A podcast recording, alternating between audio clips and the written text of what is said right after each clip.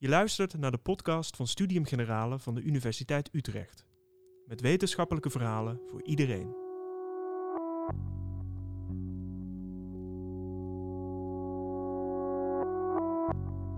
Smeltende poolkappen, extremer weer en afnemende biodiversiteit. Het gaat niet goed met onze aarde. Toch vinden we het lastig om onze vrijheden in te leveren voor een betere wereld. Welke waarde heeft onze vrijheid als we daarmee die van de natuur en dieren aantasten? Bas Heijnen gaat in gesprek met filosoof Eva Meijer.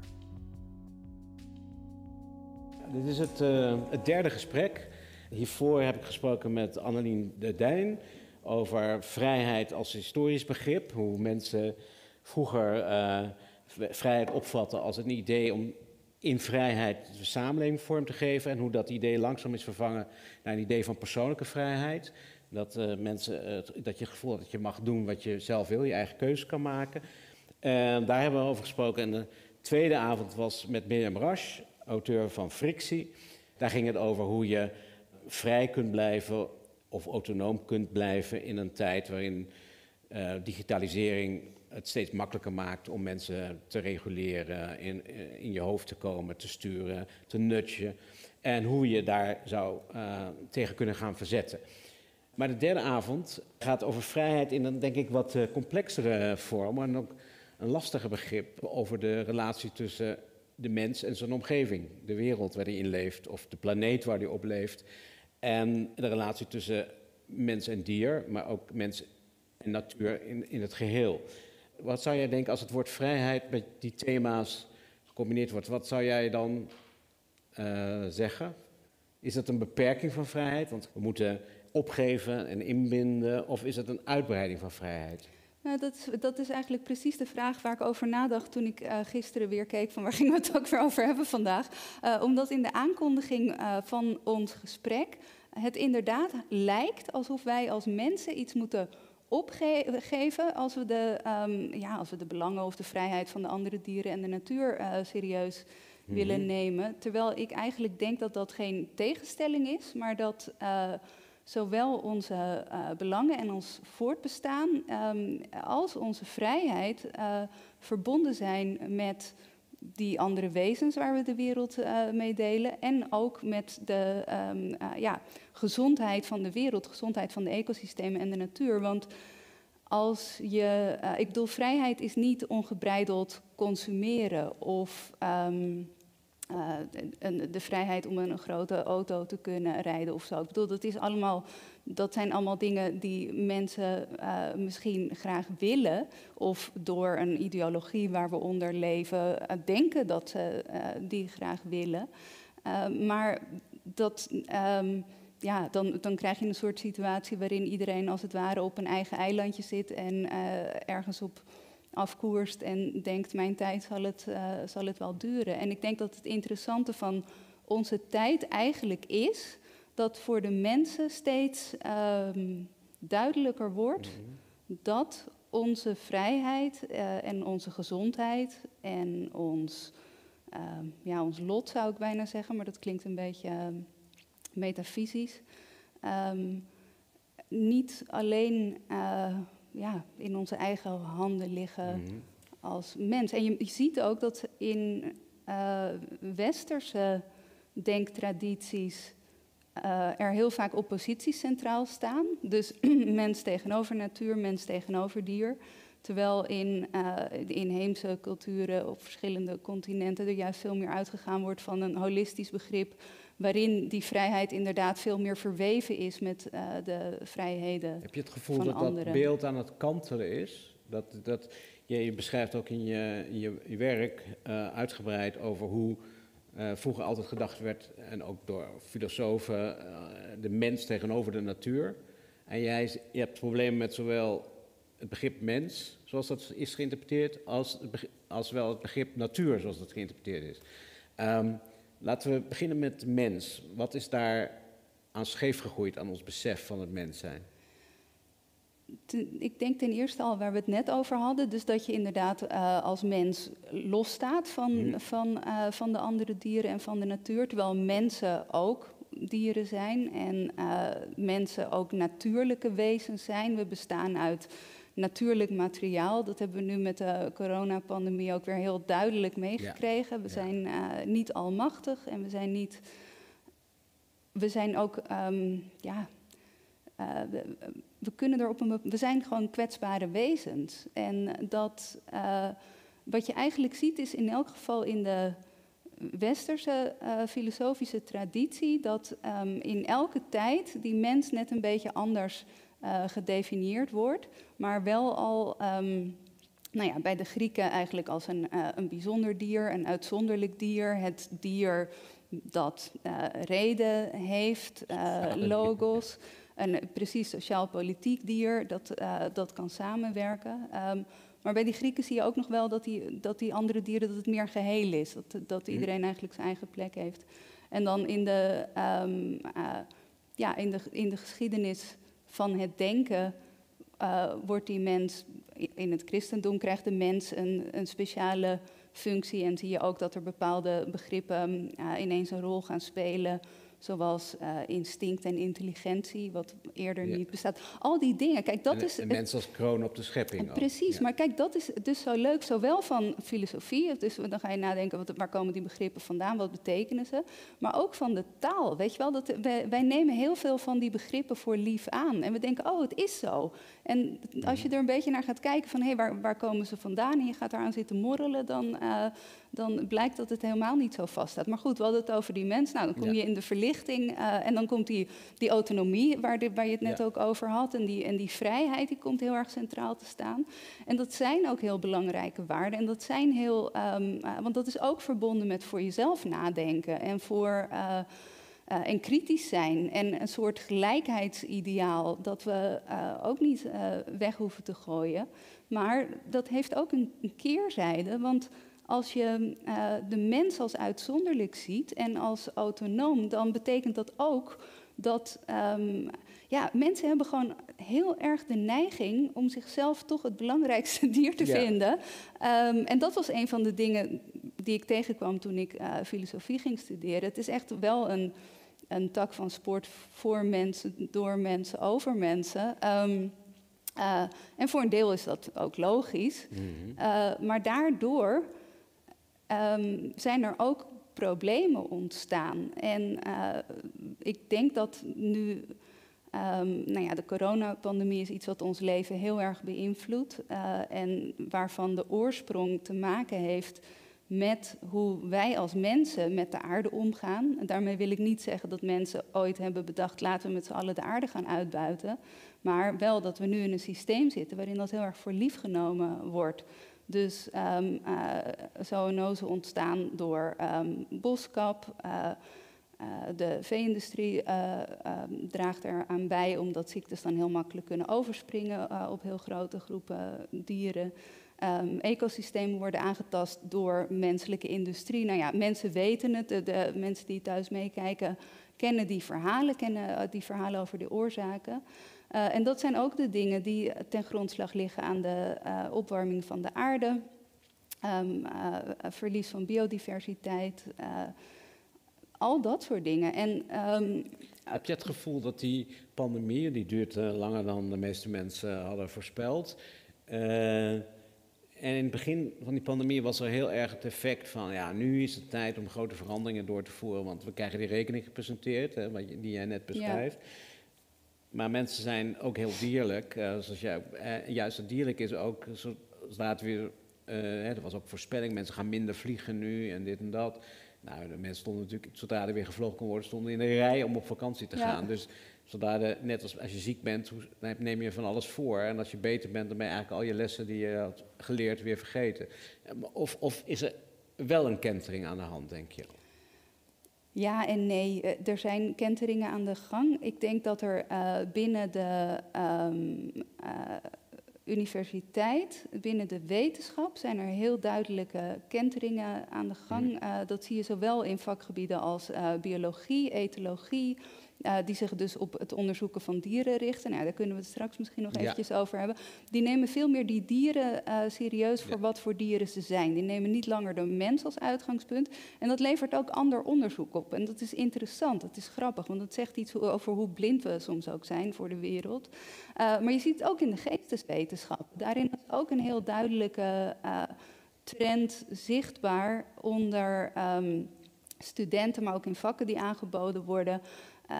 De, waarin niet langer, um, uh, ja, niet langer die mens, dus een soort dierlijke wending, zeggen, zeggen sommige mensen wel. Of dierlijk, misschien meer een planeetachtige wending. Um, dus binnen de wetenschap veranderen er dingen langzaam maar dat gestaag. de mens meer als een onderdeel van de natuur in plaats van tegenover de natuur. Ja, maar ook allerlei vragen die ermee samenhangen. Um, uh, dus ja, een soort uh, um, herziening van de mens ook in relatie tot technologie en machines en uh, digitalisering.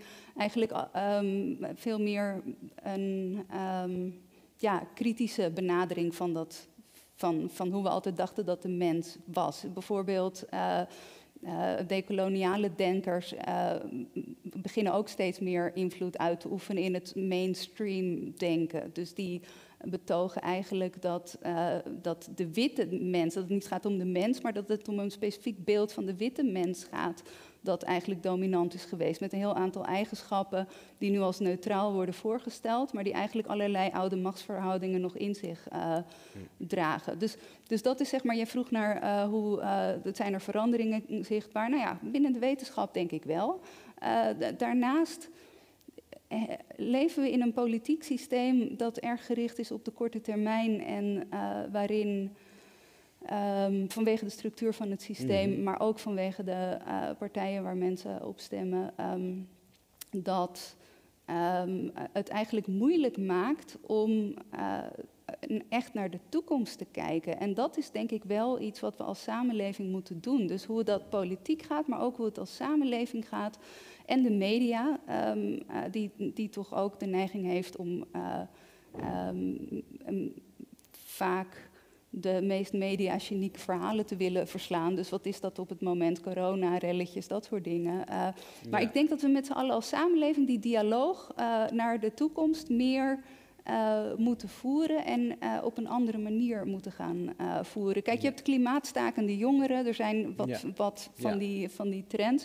Maar ja, we kunnen toch ook niet aan de jongeren allemaal overlaten. Nee, institutioneel zie je nog niet heel veel gebeuren in de, in de politiek. Of, ja, nee. je, je, hebt nu wel een, een, een, een, nieuw kabinet uh, wat er uh, aankomt. Uh, ja, en wat zegt, voor de kerst dat de transitie handen en voeten gaat krijgen. En Rutte ja. die vertelt dus genoeg geld en de burger hoeft er niks van te merken. En dat is zijn, ja. dat is zijn kenmerk. Hè. Dus als we er niks van merken, dan kan het gebeuren, want er is heel veel geld. Ja.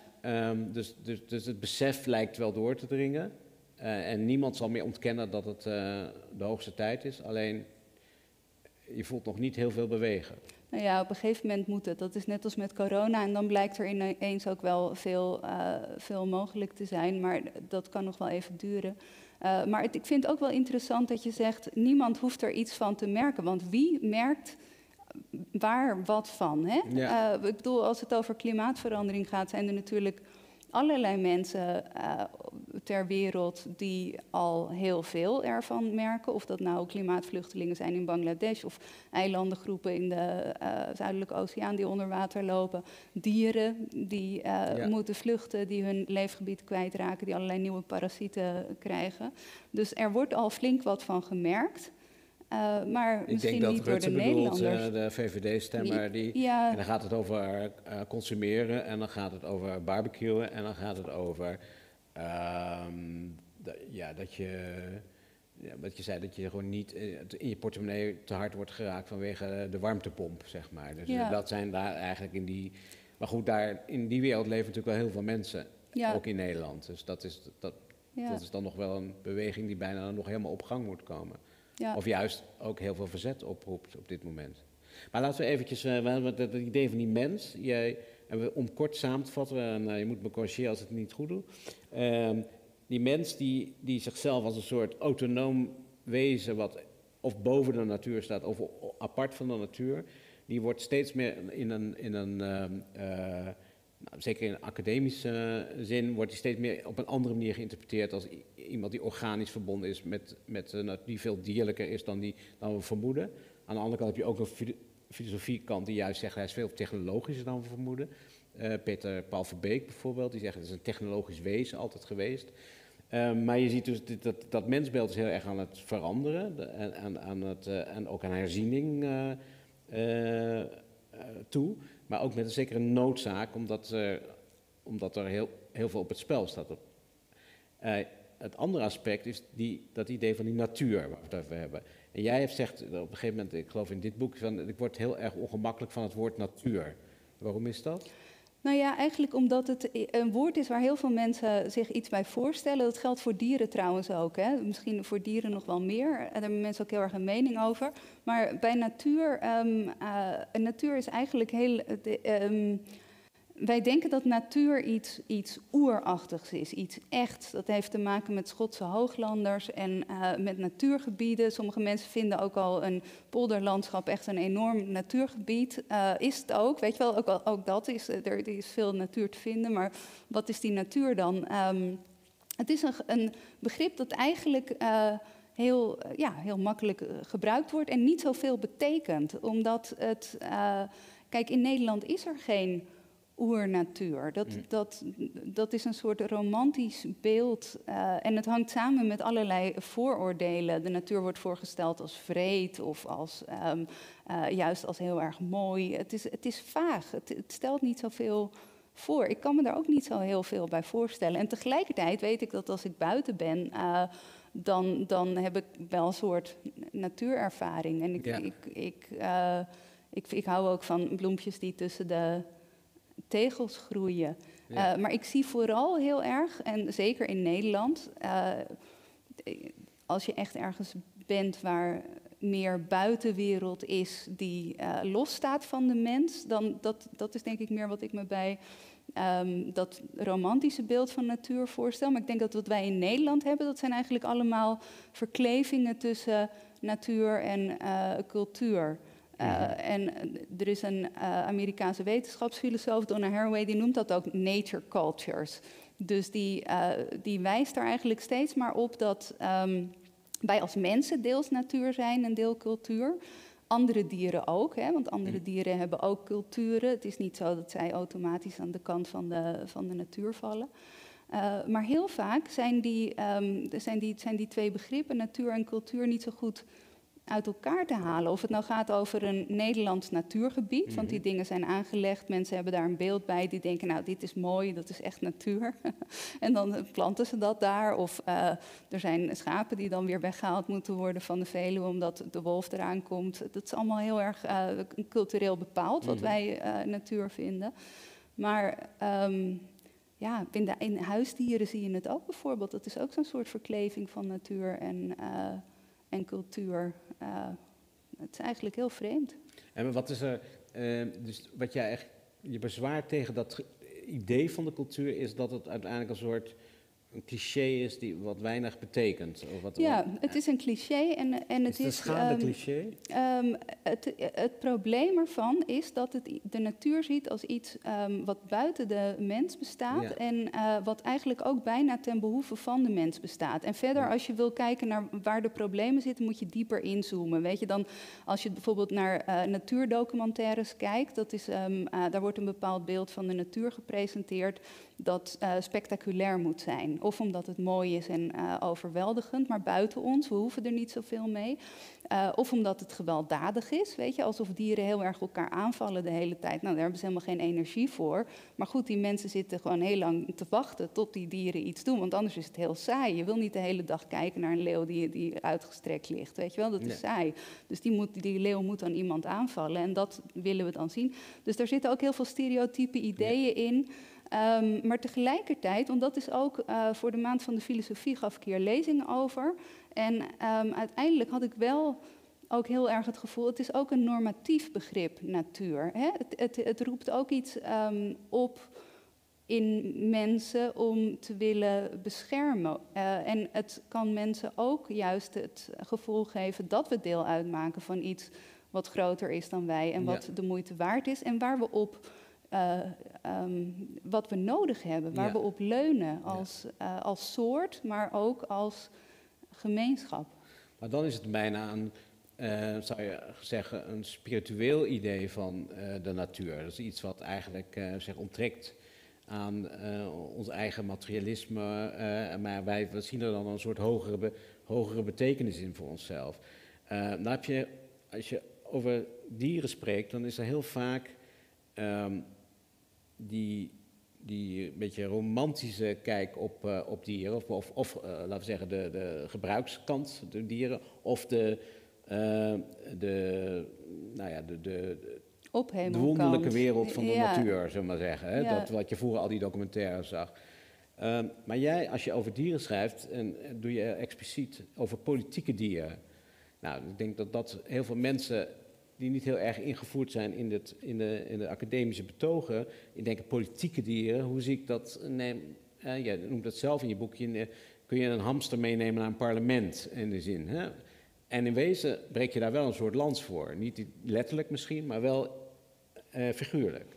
Kun je dat uitleggen? Ja, dat kan ik uitleggen. Ik uh, noemde net al even dat er anders naar dieren gekeken wordt. En uh, dat, uh, ik, dat hangt ook samen met die deconstructie van de mens, hoor, denk ik. Dat, ja. En ook bijvoorbeeld, kijk, in de jaren zeventig had je poststructuralisme, maar ook bijvoorbeeld feminisme. Hè, dat, dat zijn allemaal um, eigenlijk kritische denkstromingen over wat voor wezens mensen eigenlijk zijn. En ik denk dat dat ook heeft, um, uh, ja, dat kritische denken geholpen in een andere manier van, uh, van dieren onderzoeken, niet-menselijke dieren onderzoeken. Um, uh, want heel lang werden dieren vooral gebruikt, en eigenlijk is dat voor een heel groot deel nog steeds zo, maar het, um, er zijn ook alternatieven. Heel lang werden dieren gebruikt om dingen uit te zoeken over mensen. Een heel goed voorbeeld is taalonderzoek.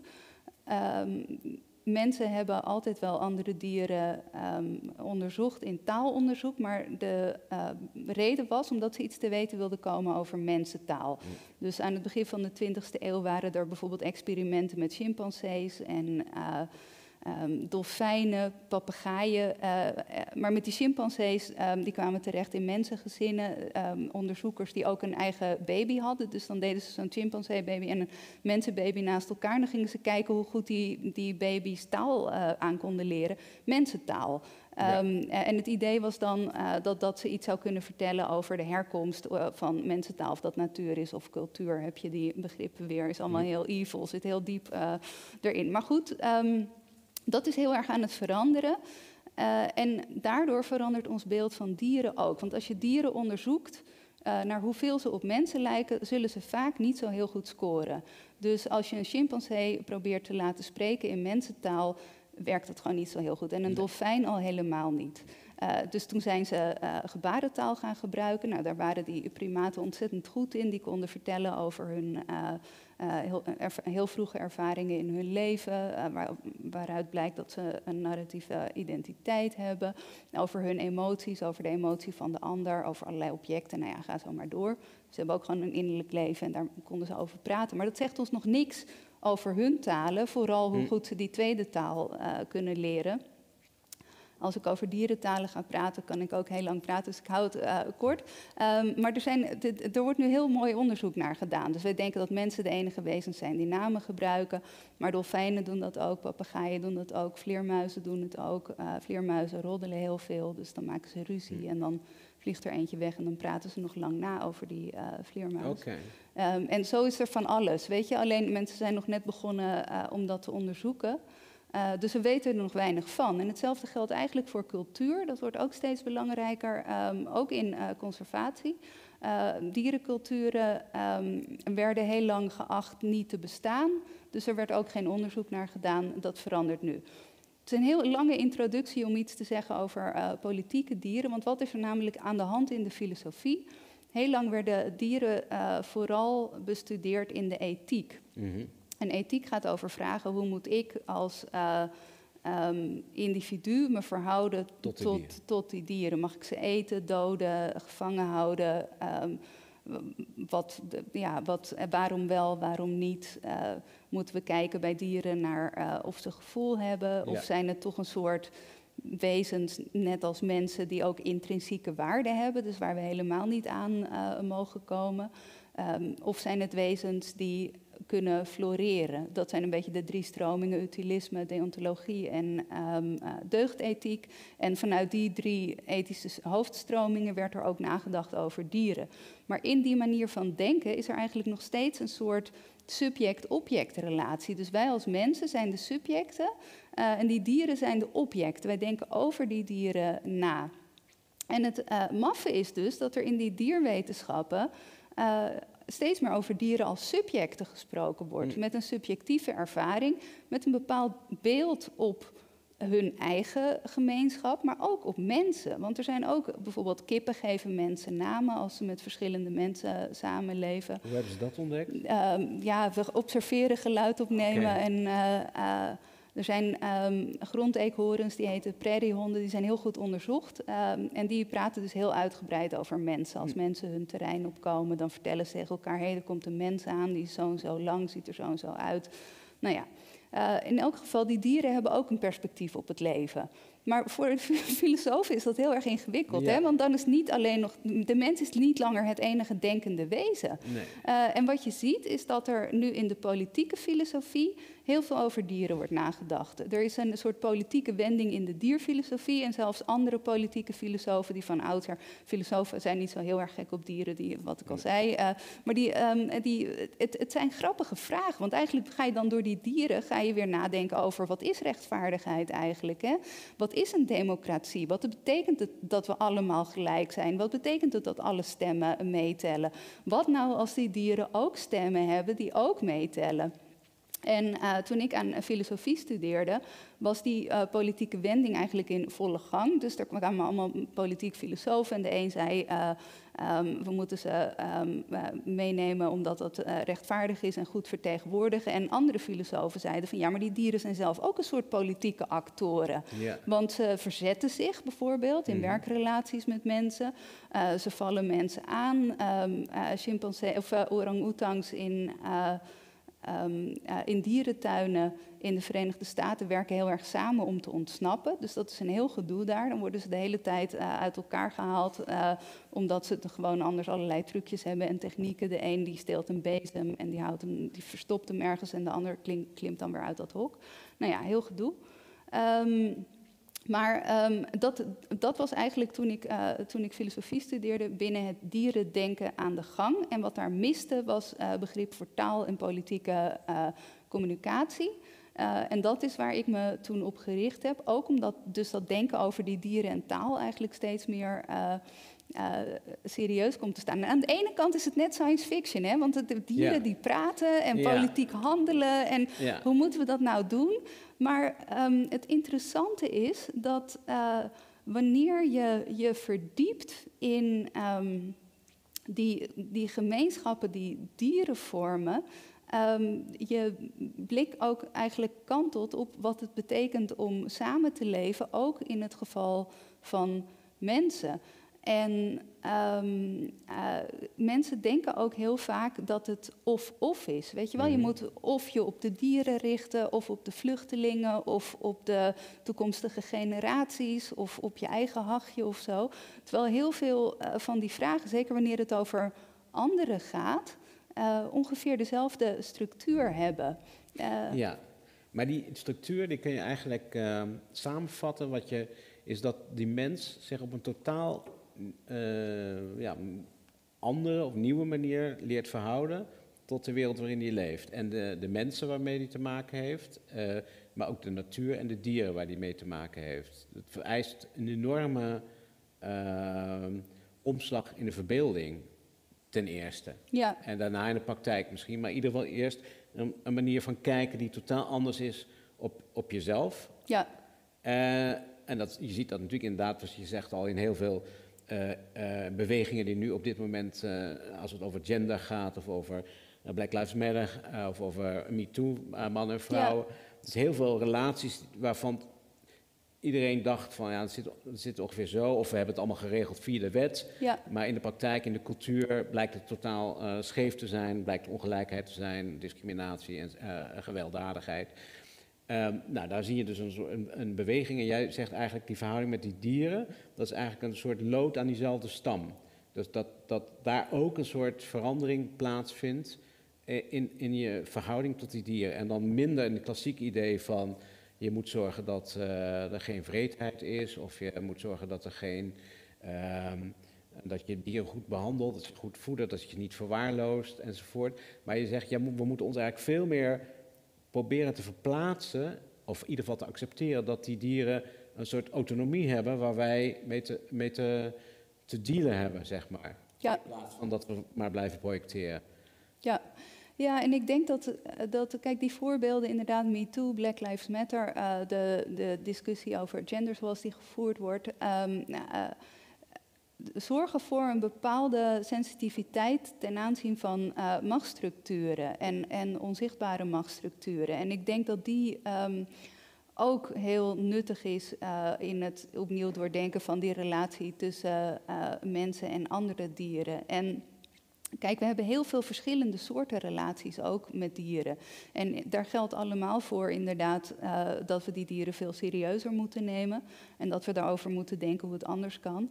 Maar bepaalde dingen zijn ook um, uh, zijn heel gewelddadig naar die dieren, maar ook slecht voor mensen. Wanneer het bijvoorbeeld gaat over de vee-industrie, zoals die op dit moment is ingericht, is een heel vervuilende industrie. Nou ja, we hebben nu in Nederland ook ineens discussies over landonteigening en dat soort dingen. Die waren eerder ook niet denkbaar. Dus er is uh, onder de grote druk van een klimaatverandering in de, in de verte, die toch steeds dichterbij komt, uh, verschuiven daar uh, ook dingen. En kijk, al die verschillende sociale bewegingen um, hebben hun eigen kenmerken en hun eigen dynamiek. En er zijn ook dingen heel specifiek voor de uh, relaties uh, tussen mensen en dieren.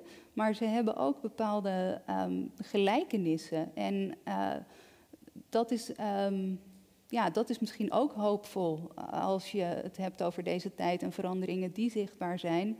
Dat bepaalde dingen doordringen in, in, in, ja, in het maatschappelijk bewustzijn ook onder invloed van activisten. Bijvoorbeeld, ik vind dat bijvoorbeeld dat, um, het voorbeeld van institutioneel racisme vind ik heel mooi. Mm Een tijdje terug wist niemand nog wie dat was, behalve een paar vreemde academici of zo. En door steeds maar uit te leggen van ja, nee, zo werkt het. Zo is, is daar volgens mij echt een ander begrip ja. over ontstaan in de politiek, in het publieke debat. En dat soort dingen, ja, dat is wel mooi. Nou, is er wel een, een, een kwestie van als je die, die blik zeg ik maar even, wil veranderen. Hè, dat je zegt, dat begint uh, misschien in academische betogen. Uh, je, je, noemt uh, als voorbeeld, ik, ik, weet niet of het toch inspiratiebron was, Pieter Singer in 1975 was zijn boek Animal Liberation. Maar dat is toch wel, even kijken, vijf, dat is echt wel lang geleden, zullen we zeggen. En ehm, ik, ik schrok eigenlijk toen ik het 75 zag, denk ik van, goh, al die dus dingen die nu spelen, het heeft wel heel lang geduurd voor, en dan nog is dat uh, bij heel veel mensen het kwartje niet gevallen. En is er ook een enorme, zoals bij alles nu, ook bij die bewegingen die waar we het net over hadden, is er ook een enorme tegenbeweging. Waardoor ja. politici heel uh, geneigd zijn om, om heel mondjesmaat of, of klimaattop, mondjesmaat, of met de mond iets te blijven wat in de praktijk niet gebeurt. En in het geval uh, van onze relatie met dieren, de bio-industrie, maar ook in, in bredere klimaattermen, is er ook wel enige haast bij. Dus hebben we eigenlijk nog tijd om die bewustzijnsverandering zo. Uh, moeten we die niet gewoon nu echt afdwingen? Of, uh, want dat zeg, uh, ik heb een klimaatactivist gesproken. En die zei: ja, het moet gewoon nu wetten worden aangenomen. En uh, moet gewoon niet, we moeten niet gaan wachten tot iedereen tot het besef komt dat hij een dier is te midden van andere dieren en verbonden is met de planeet. Want dat gaat nog heel lang duren voordat dat besef zo breed is dat iedereen daarna gaat handelen. Ja, wat vind jij? Ja, nou ja, kijk, weet je, een van de dingen die je uh, leert als je uh, over dieren schrijft, en ik denk dat, ik geloof helemaal niet dat alleen maar academische dingen of alleen maar activisme, de kunst heeft een rol te spelen, de literatuur, um, gewoon het, het, publieke debat voeren. Um, maar kijk, voor de dieren um, en dieren is al een vreemd woord, hè? dat, dat schrijft Derrida heel mooi. Um, ja, dat wij een woord hebben, dieren, los van de mens. Dat alle dieren vangt behalve de mens. ehm, is eigenlijk al een daad van geweld in de taal. Want het Mhm. maakt gelijk wat niet gelijk is. Dus ehm, kleine spinnetjes en eh, honden en kamelen zijn heel andere wezens, maar wij noemen ze allemaal dieren. En we scheiden ze van de mens, waardoor het als mens ook steeds makkelijker wordt om die dieren ehm, eh, de- ja, op te eten, uit te buiten enzovoort. Maar ik denk dus als je eh, dit wat langer doet, kijk, het is voor heel veel dieren de hele tijd al te laat. Dus dat, eh, dat besef eh, is, eh, het is heel urgent. En als er iets was wat ik zou kunnen doen, en dat geldt voor veel mensen die ik ken, eh, dan hadden we het ook al wel gedaan, weet je wel. Dus ik denk dat heel veel... ehm, eh, en het is heel... eh, het is niet alleen de, de bio-industrie, het is ook de jacht en de, ehm, eh, de experimenten op dieren en de entertainmentindustrie en heel veel huisdieren. Die, het is nu ook weer met corona, met lockdowns. Kijk, je weet gewoon dat heel veel huisdieren het geweld op zich afkrijgen. Je weet dat eh, heel veel huisdieren nu geadopteerd zijn. eh, en mensen hebben allemaal coronapuppies genomen Ja. die ze weer terugbrengen als ze weer aan het werk gaan. Het zijn, dieren zijn echt gebruiksvoorwerpen voor veel mensen. En dus voor heel veel dieren is het altijd al te laat. En dat is gewoon. ehm, eh, en dat is heel erg. En we hebben alles nodig. We hebben activisten nodig. We hebben politieke verandering nodig. En ehm, een verandering in het denken, een verandering in de cultuur. Ehm, en ik denk ook dat het voor ons, weet je, we hebben het helemaal nog niet over luisteren gehad. Mhm. Ehm, want dat is ook zo'n ding in, de, eh, in onze cultuur en in de westerse eh, filosofie. Heel vaak, vaak staat spreken centraal. Dat Mhm. vinden wij ook een heel. eh, dat doen we graag. Ik doe het ook graag hoor. Ik ben wel heel veel aan het woord geweest hier vanavond. Maar wij zijn als mensen. eh, eh, weet je wel, we moeten juist leren om luisterende wezens te worden. Maar hebben we daar nog tijd voor? Nou ja, wij misschien wel en andere generaties misschien niet. Maar Mhm. we moeten wel. eh, kijk, dat is dus ook volgens mij echt een van de belangrijke politieke projecten van nu. Hoe kunnen we met z'n allen hoop houden en hoe, hoe kunnen we gaan hopen als politieke praktijk? Mhm. Eh, de, eh, er is een filosoof die heet Ernst Bloch en die heeft daarover geschreven. En hij zegt we moeten leren hopen als eh, samenleving. Juist in het licht van de, van de vernietiging en alles wat verkeerd is eh, gegaan en verkeerd gaat. Mhm. En dat is ook die lange termijn, weet je, die toekomst waar we het over moeten hebben met elkaar. We moeten het erover hebben hoe het beter kan. Want het alternatief is eh, dat we met z'n allen de zee inlopen. En dat, is, dat kunnen we doen. maar daar wordt ook niemand beter van. Mhm. Dat is een andere vraag die er wel mee te maken heeft. Is er- als je, eh, je zegt we moeten leren luisteren, we moeten eh, leren eh, aanvaarden dat dieren een eigen cultuur hebben, een eigen taal hebben, vanuit een, een, autonomie die, die wij ze moeten gunnen, zullen we maar zeggen, en niet moeten inbreken.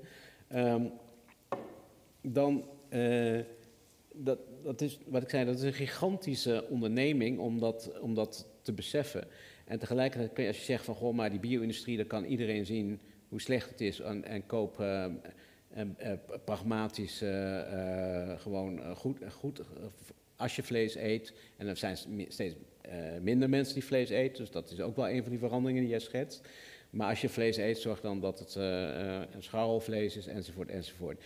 En er zijn heel veel mensen die zeggen, nou ja, dat is al, dat is tenminste praktisch gezien. Terwijl als die, die hele filosofische kentering willen ma- meemaken, dan, ehm, dat gaat zo... Dat, dat Maar weet je, ja, ik, ik snap wel wat je wil zeggen hoor. Maar tegelijkertijd hebben we dus ook dat andere.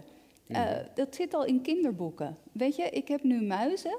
En ehm, dat zijn laboratoriummuizen. En die ehm, komen van de Universiteit Utrecht trouwens. Eh, eh, en die wonen in een hok of twee hokken. Het zijn twee, twee groepjes. En die muizen zijn ook gewoon de hele wereld op zich. Weet je, voor die muizen is hun eigen muizenleven ook het allerbelangrijkste leven dat er is. Maar het zijn ook wezentjes die enorm tot de ver- verbeelding spreken. Mijn moeder die was, eh, die kwam langs eh, een tijdje terug eh, en die zei ook van ja, het zijn echt van die wezentjes uit een kinderboek. En we hebben als mensen, kijk dat hebben de dieren dan weer mee. Heel veel mensen hebben wel een bepaald soort gevoel voor dieren. Mensen leven samen met huisdieren. Sommige mensen houden heel erg van het kijken naar vogels. Ehm, eh, weet ik veel wat. Dus het is niet, het is niet iets wat van bovenaf um, uh, wordt opgelegd of afgedwongen. Het zit er ook al helemaal in. En ik denk dat, uh, en dat is ook het leuke van het onderzoek naar dierentalen. Het, um, dat spreekt heel erg tot, tot de verbeelding. Dat is iets wat mensen uh, wat, wat hun blik laat kantelen. En ik denk dat dat ook een belangrijk. Filosofie moet kritisch zijn en verhelderen, uh, maar ook de dingen die er zijn anders laten zien. Dat was Wittgensteins opvatting uh, van filosofie, of een van de dingen die hij erover zei. en dat, um, dat is niet altijd zeg maar, de hele omslag van de molen. Soms veranderen dingen ook ineens. Weet je, mhm. zijn, zijn er ineens van die gaatjes in de tijd waardoor er iets nieuws uh, kan ontstaan. En dat, um, kijk hoe dat gaat, dat kunnen wij niet voorspellen, want dat, dat is, ligt niet in onze macht. Maar er is altijd, in wat je ziet, is altijd meer dan je ziet. Mm -hmm. En hoe, want dat lijkt me dan, wat je zegt, mensen hebben al een, met heel veel dieren, zeker dieren waar ze meeste samenleven, maar ook wel met uh, dieren die juist exotisch worden gevonden mm -hmm. of ver van ons afstaan, um, hebben, hebben een fascinatie ervan. Maar er is altijd, je zegt, wij mensen zitten heel erg, we, hebben, we zijn eigenlijk opgegroeid eeuwenlang met een idee van de mens. En daar zijn allemaal, uh, zijn allemaal verhardingen en verstarringen ingekomen, dat ja. waardoor er een rare verhouding uh, tot onszelf en tot de natuur is. Uh, maar tegelijkertijd heeft de mens natuurlijk, die kan niet anders dan vanuit zichzelf kijken naar die natuur. Dus en dus eh, hetzelfde is dat mensen geneigd zijn, om bijvoorbeeld in een eenvoudig voorbeeld, om een huis, huisdier te antropomorf... Wat zeg ik nou? Ja, antropomorfiseren of zoiets. Ja. ja, sentimentaliseren eigenlijk. Hè, door zijn menselijke eigenschappen uh, toe te dichten. Door die hond die, uh, die hond die lacht of die hond die... Uh, dat zijn onze beelden en wij, dat zijn de beelden waar we ook mee moeten werken. Maar jij pleit eigenlijk ook dat we in wezen een soort openheid moeten betrachten. Dat we ook de dingen die we niet begrijpen, ja. uh, accepteren. Ja, Merleau-Ponty, dat is een fenomenoloog, die zei: um, als je hetzelfde bent, dan heb je helemaal geen. Dan is er geen sprake van begrip. Dan is er hm. alleen maar sprake van een soort overeenstemming. Maar als je anders bent, dan kan er begrip ontstaan. Ja. Uh, en ik denk dat wij, mensen is ook niet één groep. Uh, er zijn heel veel verschillende groepen en er zijn heel veel verschillende individuen en er zijn heel veel verschillende um, gemeenschappen.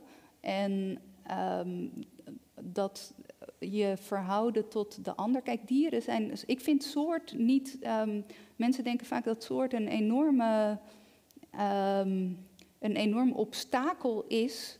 Mm -hmm. Of, of het, het alleranderste ander of zo. Terwijl. Mm dat helemaal niet zo hoeft te zijn. Want er zijn gedomesticeerde dieren die mensen heel goed begrijpen. En andersom is ook veel onderzoek naar gedaan. Uh, er zijn dieren die qua uh, uh, DNA heel dicht bij de mens zitten, zoals niet-menselijke primaten. Um, dus ik denk dat we, dat we het belang van soort overschatten. Um, en dat er veel meer um, begrip mogelijk is. Mhm. Ehm, maar kijk, er lopen ook verschillende vragen natuurlijk uh, door elkaar. Want in het geval van mensen vinden we begrip wanneer het gaat over vrijheid en samenleven en autonomie en dat soort vragen. Dan weet je, je hoeft van mij niet van mensen te houden of van bepaalde groepen mensen te houden om ze te, of te begrijpen, om ze toch op een bepaalde manier te, te respecteren. Want dat hebben we ook vastgelegd in rechten en dat is. Um, uh, dat, dat zijn allerlei principes die we heel fundamenteel vinden voor het samenleven. En die ook degenen die anders zijn beschermen tegen de willekeur van de meerderheid of de willekeur van een, uh, van een heel luide minderheid. Um, dus dat zijn dingen die we ook moeten doordenken in relatie tot andere dieren. Maar waar ik het vandaag ook heel erg over eh, had en ook in mijn werk veel over heb, is inderdaad van, nou goed, die dieren hebben talen, culturen, perspectief op ons. Er is begrip mogelijk. Want dat zijn dingen die heel veel mensen denk ik niet weten, omdat we zo gewend zijn om te projecteren. Ja, en ook om dieren gewoon als dingen te beschouwen. Um, en ik. ik uh, Natuurlijk moet je ook voorzichtig zijn om niet, weet je, dieren hoeven helemaal niet zo uh, als mensen te zijn, maar tegelijkertijd uh, leven we gewoon in een meersoortige wereld. En er zijn nu natuurlijk ook mensen aan het schrijven over planten en bomen, hoe die zich tot Ja, elkaar verhouden. eh, het, het belang van paddenstoelen voor Ja. eh, het voortbestaan van de planeet, al die dingen. En dat is ook, en wat het ook nog is, dat hele idee van oh, we moeten iets inleveren of opgeven, dat zie ik eigenlijk helemaal niet zo. Want het is juist een ontzettende rijkdom. En om, te, te, om deel uit te maken van alles en te begrijpen ook dat Mhm. je deel uitmaakt van alles. Kijk, wij gaan ook dood en dan eh, zijn we lichamen en dan vergaan we. Weet je, dat is wie ook wie en wat Ja. wij zijn. En we hebben het, het grote en vreemde geluk dat we hier nu in deze kamer zitten en met elkaar kunnen praten en al deze woorden hebben en daarover kunnen nadenken. En dat is fantastisch. Maar ja, we zijn ook lichamen en we zijn ook kwetsbaar. En Ja. dat delen we met die wezens. Wat me opvalt aan je, aan je werk, ehm, is dat aan de ene kant is, en zoals je er ook over praat, is, eh, is het heel gelijkmatig. Hè, dat je je analyseert en je beschouwt. En tegelijkertijd, ook in, in dit, eh, in het eh, essay van de Maand voor Filosofie, heb je ook, eh, som je echt op waarom je heel boos bent. En, eh, en die, die boosheid is ook bijna een soort gevoel van onmacht. Of eh, eh, omdat je uiteindelijk denkt van ja, maar het gaat niet lukken. Of eh, mensen gaan toch niet veranderen. Of is dat verkeerd geïnterpreteerd? Nou ja, ik vind boosheid wel een. eh, ik ben uit mezelf gewoon niet zo vaak boos. Dat is, ik eh, mediteer ook graag. Ik ben eigenlijk heel. Weet je wat, ik, ik, ik voel dat niet zo. Ehm, maar er is ongelooflijk veel onrecht en we kunnen het zoveel beter doen als mensen. Weet je, het is zo, we hebben zoveel eh, vermogen eigenlijk als we samenwerken. Of, eh, weet je, mensen doen ook zulke goede dingen. We kunnen heel goed voor anderen zorgen, voor elkaar zorgen. En, eh, en er wordt de andere dieren echt heel veel geweld aangedaan. En andere mensen overigens ook. En er zijn ook eh, dingen als de jeugdzorg. En eh, nou ja, goed, er is van alles mis waar je, waar je kwaad over kan worden. Maar ik vind woede, vind ik... ehm, ook fijn, omdat het Een soms instrument is. een instrument is en dingen helder kan krijgen. En als ik ehm, me niet goed voel of als ik denk waar, eh, eh, waarom, waar doe ik het voor, weet je, waarom, eh, eh, ik hoef vandaag ook voor mezelf deze dag niet door, vind ik het ook wel fijn dat ik me druk kan maken over dingen en dat ik dat dan eh, voor die andere dieren kan doen. Je hoorde een aflevering van de podcast van Studium Generale. Benieuwd naar meer afleveringen? Ga naar sg.uu.nl/podcast of abonneer je op je favoriete platform.